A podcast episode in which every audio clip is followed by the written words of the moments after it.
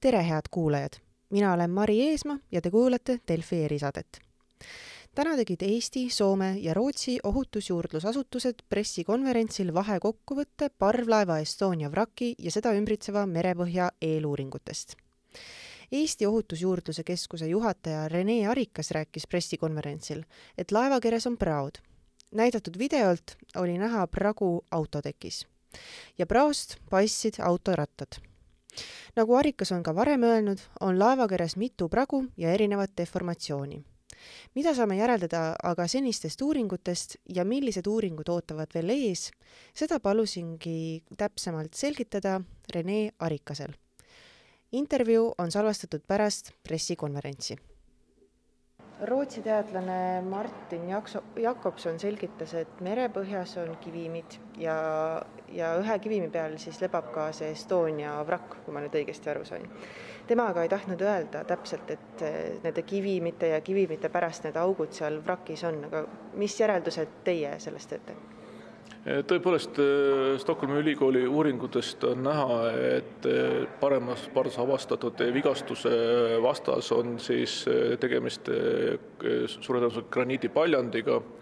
Ja kui me vaatame seda vigastuse kuju, siis see vigastuse kuju jälgib seda paljandi kuju tõepoolest, nagu ka Martin Jakobson täna ütles, et tema ei saa kinnitada, et see graniidipaljand on põhjustanud selle vigastuse, samamoodi ka meie ei saa seda kinnitada, me saame küll öelda, et jah, tegemist on ühe sellise stsenaariumiga, mis tõenäoliselt on juhtunud, aga kindlasti meil on vaja veel täiendada informatsiooni ja kinnitust selle kohta, et tõepoolest eh, deformatsioon on põhjustatud eh, sellest graniidipaljandist, aga mida ka täna sai korduvalt välja toodud, et tegemist ei ole ainult vigastustega paremas pardas, me nägime, et tegemist on vigastustega laeva ahtri osas, vasakus pardas ja ka vööriramp on nii-öelda kinnitustest ja hingede küljest lahti murdunud.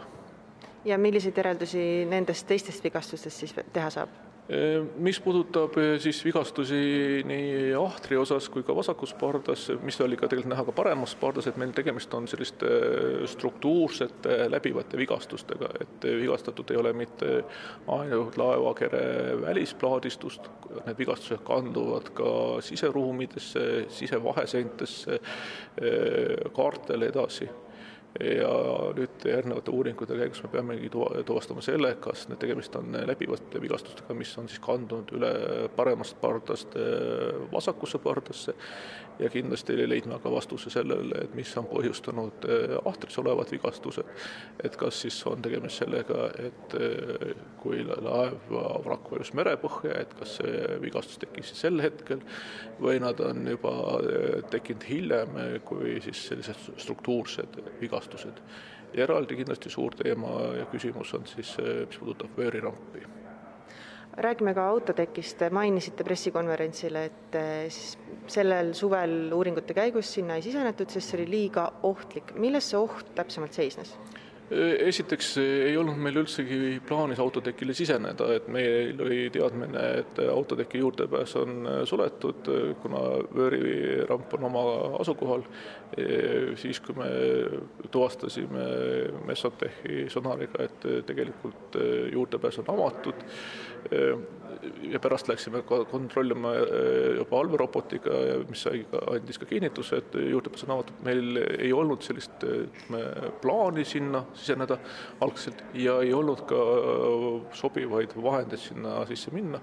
et nii palju, kui äh, allveerobotiga oli võimalik seal äh, sisepääsu juurest sisse vaadata, me nägime, et tegemist on ütleme, väga paljude rusudega ja mida sügavamale sinna autoteki sissepoole minna, seal kuskil neljakümne viie, viiekümne meetri pealt on täitsa suletud siis autoteki osa, et seal on need kaup, erinevad laevaga konstruktsioonid on vajunud siis sinna ütleme ahtri poole ja siis sulgevad sellepoolse juurdepääsu sealt.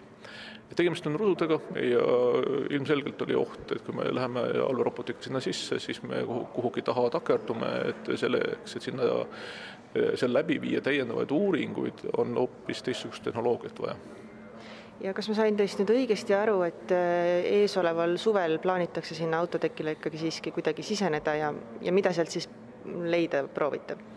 Tõepoolest on plaanis juba kevade poole siin kevadkuudel alates märts, aprill, mai viia läbi siis autotekil ka fotogrammeetriline lasermõõdistamine. kui rääkida eesmärkides, siis esimene eesmärk on tuvastada seestpoolt siis selle parema porda vigastuse suurus ja noh, ka sealt siis ka autoteki üldseisund, samamoodi kus kohas asuvad rusud, millist tüüpi need rusud on, kas näiteks ka leiame auto, autode kaupa kinnitusvahendeid, kus nad paiknesid, kuidas nad olid kinnitatud. et see, see on kindlasti selline väga oluline informatsioon, et täpsemalt saada ülevaade sellest, kuidas Estonia hukkus ma sain aru, et mingisugune uuringu etapp jätkub ka juba detsembris, mida siis täpsemalt tehakse? Ja meil on, ikka, kui me suvel äh, lõpetasime oma uuringu, siis me jätsime sinna ühe sondi, mille eesmärk oli siis äh, mõõta eelkõige siis hovuste suunda ja kiirust äh, veesambas, samamoodi ka teisi erinevaid parameetreid.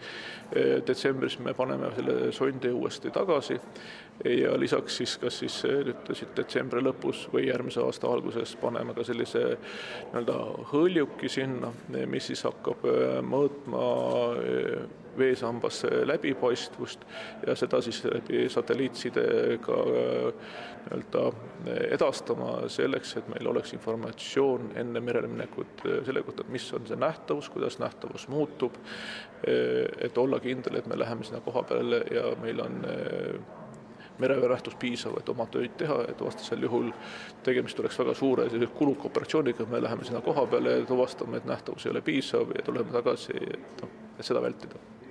Te ütlesite ka, et praegu on uuringutes tehtud ainult kakskümmend viis protsenti.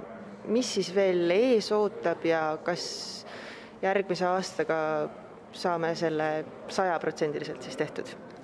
Tõepoolest, kuskil seitsekümmend viis protsenti veel tõesti on meid ees ootamas, nagu ka sai mainitud, on planeerimisel põhiuuringud, mis on väga ajamahukad ja, ja ka ütleme, kulukad.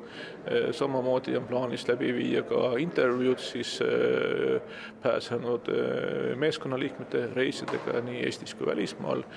võimaluse korral võtame ka intervjuud teise vahetusmeeskonna liikmete käest väga suur töö on seoses joonistega, joonised, lavajoonised on vaja digitaliseerida, luua 2D või kui 3D mudel selline ja selle põhjal siis erinevad sellised nii dünaamilised kui staatilised äh, simulatsioonid, mis peaks siis andma meile lõpliku vastuse, et kuidas tegelikult laev uppus ja millised vigastused ta siis seal uppumise tulemusena sai ja mis ajahetkel mingi vigastus tekkis ja millal meile tutvustatakse siis äh, lõppraportit?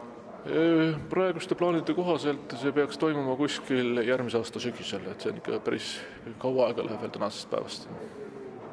Te mainisite ka, et see esialgne raport on endiselt kehtiv, aga see nõuab täpsustusi. mida see täpsemalt tähendab, mis täpsustusi me seal uurime? Hetkeseisuga võin kinnitada, et eh, siis selle lõpparuande, üheksakümne seitsmenda aasta lõpparuande järelduste osa on jätkuvalt kehtiv. Ja on mitmeid erinevaid momente, informatsiooni, dokumente, mida me kindlasti täpsustame ja kus tänu sellele, et me kasutame niivõrd palju kaasaegsemat tehnoloogiat eh, ja uurime põhjalikumalt, eh, kindlasti neid täpsustusi tuleb ja lõpetuseks, mis on praeguste uuringute käigus olnud kõige huvitavam äh, avastus teie jaoks, mida te varem ei teadnud? keeruline öelda, mis on nagu rohkem huvitavam või vähem huvitavam, et nagu öeldud, esiteks me teadsime väga vähe selle Estonia piirkonna kohta, kus ta lebab, et nii, mis puudutab merepõhja geoloogiat, batumeetriat, merekeskkonda, kogu see informatsioon, mis me nüüd oleme selle eeluuringu käigus kätte saanud, see on väga huvitav meie jaoks, väga oluline meie jaoks.